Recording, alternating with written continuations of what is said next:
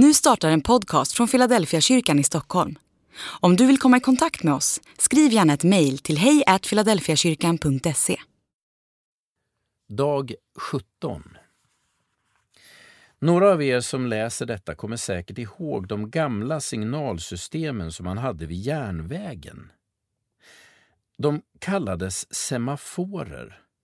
Det var armar som satt på en stång och som kunde ställas in i olika vinklar för att på så sätt ge signaler till tågtrafiken. Det var en variant med trafikskyltar, men för tåg.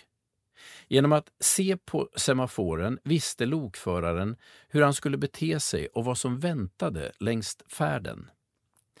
Det grekiska ordet för tecken är ordet semeion och det är därifrån det svenska ordet semafor kommer.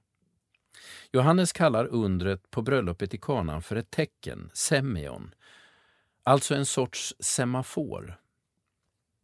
Det är en händelse som ska visa vägen framåt.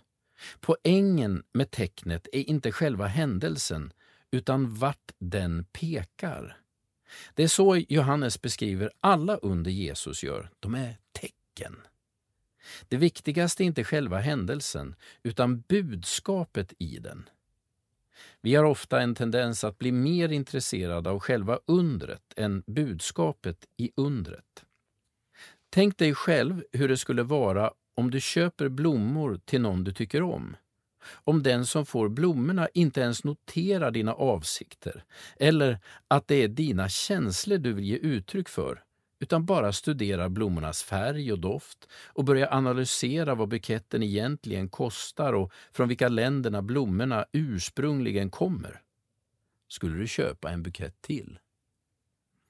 När Jesus gör under i människors liv är det alltid ett budskap från honom till oss om vem han är, vad han kan och vad han vill.